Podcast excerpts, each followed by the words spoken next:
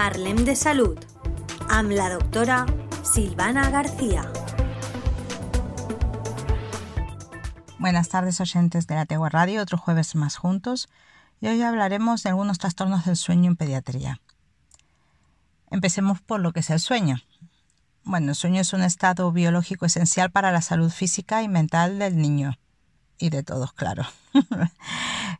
que ocurre como consecuencia de procesos circadianos, ultradianos y homeostáticos.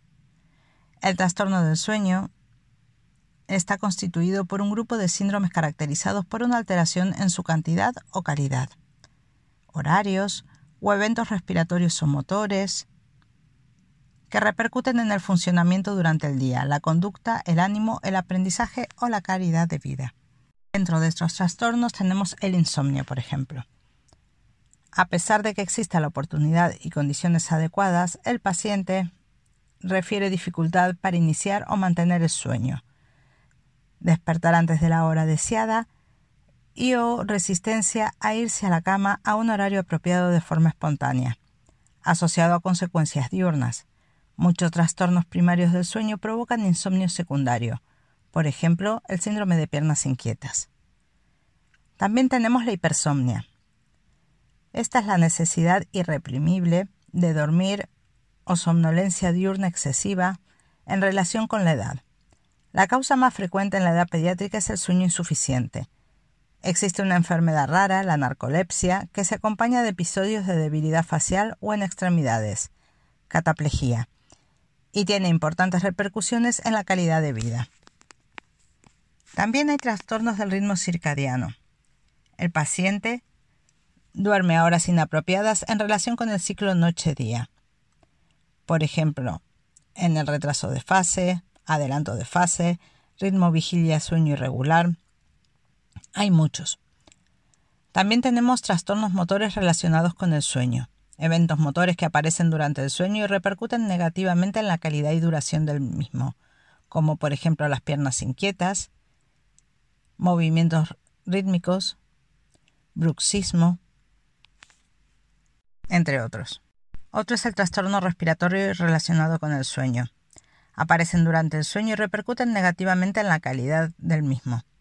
Por ejemplo, los ronquidos, el síndrome apnea-hipopnea obstructiva del sueño, apneas centrales, que son episodios de cese de respiración de origen central troncoencefálico.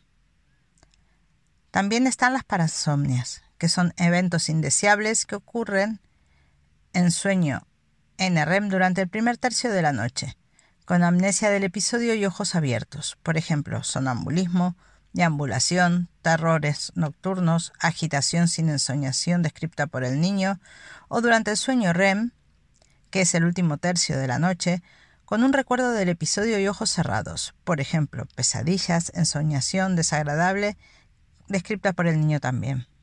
Recordar que en estos casos siempre es bueno comentarlo con el pediatra, en los casos extremos como, como los que habíamos hablado de la narcolepsia o los síndromes de apneas obstructivos del sueño, en esos casos se debería derivar al especialista.